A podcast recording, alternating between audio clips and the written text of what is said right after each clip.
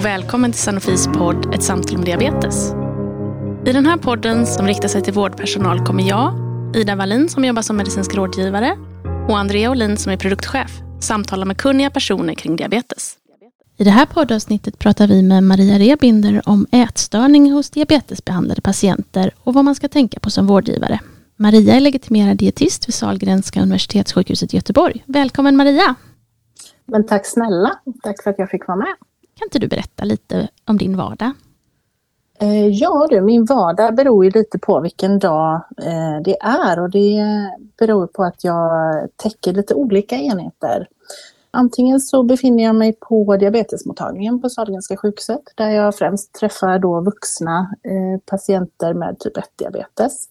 Andra dagar så finns jag ute på specialistmödravården där jag träffar gravida kvinnor med antingen typ 1, typ 2 eller graviditetsdiabetes. Men sen arbetar jag också en del av min tid i ätstörningsvård för vuxna patienter och då pratar vi patienter över 25. Som inte behöver ha diabetes då eller? Precis, då behöver de inte ha diabetes. Självklart har vi ju eh, en del patienter med, med samsjuklighet där ute, men där är det ju slutenvårdspatienter i ätstörningsvård. Hur vanligt är ätstörning hos diabetesbehandlade patienter? Eh, vanligt skulle jag säga, jättevanligt. Mycket, mycket vanligare än vad vi vill och tro, eh, skulle jag säga. Det finns ju olika typer av ätstörning eh, och det finns också en ganska stor spridning i hur pass sjuk man är. Så att många av de här går ju lite under radarn, lite oupptäckta under ganska lång tid man brukar säga att det kan ju vara så att ibland är det ätstörningen som orsakar diabetesen och ibland så är det diabetesen som leder till ätstörningen. Det beror ju lite på så att säga. Oftast så kan det ju vara så här till exempel att har man en, en hetsätningsproblematik, det är alltid så att man har en kompensatorisk del i den. Och det leder ju då ofta till en ganska stor viktökning, vilket ju också ökar risken för att utveckla en typ 2-diabetes. Och ibland så är det ju så istället då att man kanske har fått sin diabetesdiagnos i form av en typ 1-diagnos tidigt i livet eller i tidiga tonår eller så. Alltså det är ju en diagnos där en väldigt stor del av behandlingen är kostrelaterad och, och patienterna är ju generellt sett oftast måna om att vilja göra rätt. Men det här kan ju också gå liksom överstyr och utveckla, eh, att man utvecklar en ätstörning helt enkelt. Och det här skiljer sig lite mellan typ 1 och typ 2? Ja, precis. Eh, I typ 2-diabetesfallen så är det ju vanligare generellt med ätstörning eller bulimi. Och i typ 1-patientgruppen så skulle jag säga att det kan vara både det man kallar för restriktiva ätstörningar, alltså där anorexi är den mest kända formen, eh, eller någon typ av hetsätningsproblematik. Men om man som vårdgivare då eh, har patienter som behandlades för diabetes, vad är det för tecken man ska titta efter på ätstörning? Om man tänker att man arbetar på en vanlig diabetesmottagning eller eller kanske i primärvården med patienter med diabetes så skulle jag säga så här att tecken man kan titta efter är ju bland annat höga HbA1c-värden under lång tid. Framför allt patienter där man har försökt att jobba mycket aktivt med att få till en bra, bra resultat och att försöka sänka de här HbA1c-värdena. Där man lite känner att man har försökt med allting men liksom att resultatet uteblir. Patienter som eh, som medvetet strävar eller uttrycker att de strävar efter att ha så lågt kolhydratsintag som möjligt. Eh, som pressar sig i intag eh, medvetet. Eh, det kan vara eh, regelrätt viktfixering eller fobi eller ovilja att väga sig eller eh, så. Även eh, upprepade hypoglykemier. Eh, ofta om man kan se ett mönster det finns ju ett uttryck som man pratar om diabolemi, där man liksom överdoserar insulin medvetet för att, för att få en, en eh, hypoglykemi och då också kunna äta kolhydrater. Jag, jag tänkte också bara fråga, är det svårt att, att se det? Jag tänker det kan ju också finnas en, att, att man inte riktigt eh, berättar hela sanningen som, som patient. Ja, det, jag ska säga att det är generellt sett ganska svårt för att det där, här är ju alla typer av ätstörning, det ligger ganska mycket skam och skuld i det. Eh, och det är kanske ingenting som, som patienten direkt vill eh, flagga att, att det är ett problem. Eh, jag skulle säga att som vårdgivare, om man har jobbat ett tag, så får man ju ofta en magkänsla av att det är någonting som inte stämmer riktigt. Och ofta så är ju den korrekt. Så det man kan göra där, det är liksom att fortsätta att fråga, eh, helt enkelt. Många gånger så kan det ju vara så att man behöver bygga upp ett förtroende och att man kanske också behöver väcka tanken och frågan hos patienten själv. När är det läge att ta in en dietist då? Det är ju alltid läge att ta in en dietist. Eh, men eh, generellt så är det väl det att vi kanske har en, en större kunskap om eh, att hitta liksom, de här lite destruktiva beteendena.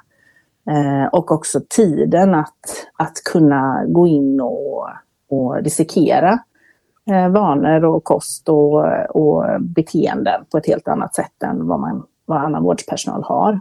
Helt enkelt.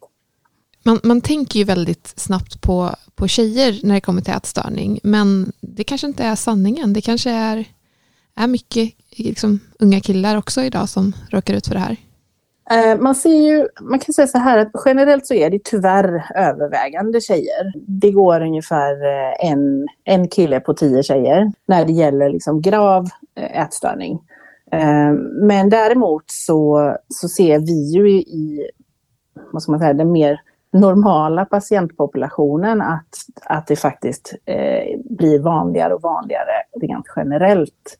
Eh, just det här som jag nämnde, det här lågkolhydrats, eftersträvan efter lågkolhydratskost eller pressade värden eller eh, ett, ett hälsohetstänk sådär generellt. Man tror egentligen att man kanske gör någonting bra men så går det överstyr. Just det, och det är många som kanske inte tänker det som en ätstörning eller? Nej, precis. Men, men det är också det här att det finns ju screeningdokument som man kan använda sig av där man ganska tydligt kan se om det här är som ett, en medveten eller omedveten typ av ätstörning. Eh, alltså att det är ett destruktivt beteende. Kanske en dum fråga, men varför är det, är det viktigt att, eh, att fånga upp ätstörningen hos en, hos en diabetesbehandlad patient? Alltså dels så är det ju såklart så att eh, det är ju en stor påverkan på patientens livskvalitet rent generellt. Men sen vet man ju också att patienter som har en samsjuklighet i en diabetesdiagnos och en ätstörning har ju en mycket högre risk för komplikationer. Eh, man har ju en, en kraftigt ökad risk för ketoacidoser till exempel. Man har en, en ökad, eh, tre gånger så hög risk för retinopatier. Vid hetsätningsproblematik eh, och liksom hela metabola syndromets eh, problematik egentligen så har vi också saker som, som hypertoni och hyperlipidemi och sådär. Ökad kardiovaskulär risk och sen är det tyvärr så att om man tittar på kanske den allvarligaste formen av ätstörning, anorexia nervosa, så kan man se att finns det en samsjuklighet med typ 1-diabetes så har man en fem gånger högre dödlighet. Men hur kan man förebygga eller behandla ätstörning hos just den här gruppen? Jag skulle säga att det är viktigt att eh, man har ett eh, multidisciplinärt team, att man jobbar tillsammans i ett team, eh, alla, alla involverade så att säga. Att man inser att man behöver behandla båda delar och alltså ha ett bra samarbete eventuellt med en ätstörningsenhet.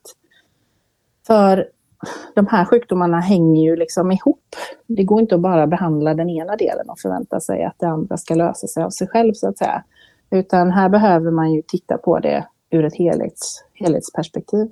Och också tänka, vad är bästa behandlingen eh, diabetesmässigt i det här skedet eller i det här läget? Och det beror ju självklart på graden av ätstörning. Det kan till exempel om man tittar på, på pumpbehandling, kan det vara under, eh, under vissa delar av, av en aktiv ätstörningsperiod tveksamt om man ska använda sig av insulinpump till exempel, om det är bättre att jobba med, med pennbehandling.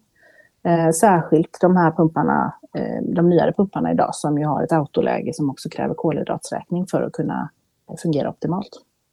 Finns det något sätt att, jag tänker om man är nydiagnostiserad, att, att förebygga eller ha, ha något liksom, samtal eller någonting inför om man är en viss ålder eller någonting sånt? Skulle det hjälpa? Alltså det man kan se, det svåra är ju, tittar man i ätstörningsinsjuknande så är det ju oftast, vanligaste tiden att insjukna i någon form av ätstörning är ju oftast i prepubertet eh, eller precis när man går ur pubertet och går in i liksom tidig vuxen ålder. Men sen så är det också det här att har man haft en ätstörning av någon typ, säg att man har haft en anorexi i tidiga tonår, så är det väldigt vanligt att det där omvandlas till någon annan typ av ätstörning senare i livet. Alltså en hetsätning eller en bulimi eller liknande. Generellt skulle jag säga så här att vi som jobbar med, med patienter eh, med olika eh, diabetesdiagnoser behöver ha en viss försiktighet. För det är lite så här, Rom byggdes inte på en dag och man vill ju som vårdgivare gärna ge så mycket som möjligt och ge bra förutsättningar och råd och, och, rekommendationer. Men det där kan ju också vara att det blir lite för mycket av det goda och ökar ju också risken kan man väl säga för patientens del att faktiskt misslyckas med eh, det vi rekommenderar. Och det bäddar ju lite för eh, att öka risken att hamna i ett, ett destruktivt eh, hanterande istället. Är det här ett, ett område som utvecklas, som har liksom blivit mer uppmärksammat på senaste tiden, upplever du? Jag skulle säga att jag tycker att man har uppmärksammat det här med, om man får lov att säga, klassa det som det, men mildare former av ätstörningar, så alltså där man inte pratar om, om slutenvårdsbehov eller eh, sådär. Det har nog uppmärksammats mer och mer att det förekommer i högre grad än vad man kanske tidigare har tänkt på. Eh, och det, när det kommer upp i, till ytan så är det ju också såklart mycket, mycket lättare att jobba med. Eh, men avslutningsvis då, Maria, har du något tips till kollegorna runt om landet när de träffar på en patient som de tror är eh, ätstörd? Mm, jag skulle säga äh, återigen det här att man vågar fråga och så frågar man igen och så frågar man igen och så frågar man igen. Eh, att man kanske, eh, har man har den här känslan, kanske tar fram ett av de här screeningdokumenten. De finns eh, lättillgängliga på nätet eh, idag. Och, och ser eh, vad man får för utfall på dem. För det, ju tidigare diagnos och upptäckt man får, desto, desto bättre är ju självklart förutsättningarna. Eh, var försiktiga i, i råd. Man behöver inte eh, liksom, prestera allt och, på en och samma, vid ett och samma tillfälle. Och sen alltid vara observant på om det tidigare har funnits någon typ av depression eller ångest eller självskadebeteende. Och det kan vara långt tillbaka i tiden, men det är, är som sagt var väldigt vanligt att det där byter form. Tack Maria för att du ville vara med i vår podd och berätta om ätstörning hos diabetesbehandlade patienter. Eh, och om du som eh, lyssnar önskar återkoppla till oss, då kan du höra av dig till ett samtal om diabetes.sanofi.com. Ett tips är att prenumerera på vår podcast så du får notiser när nya avsnitt blir klara. Ha det bra, hej då! Hej då!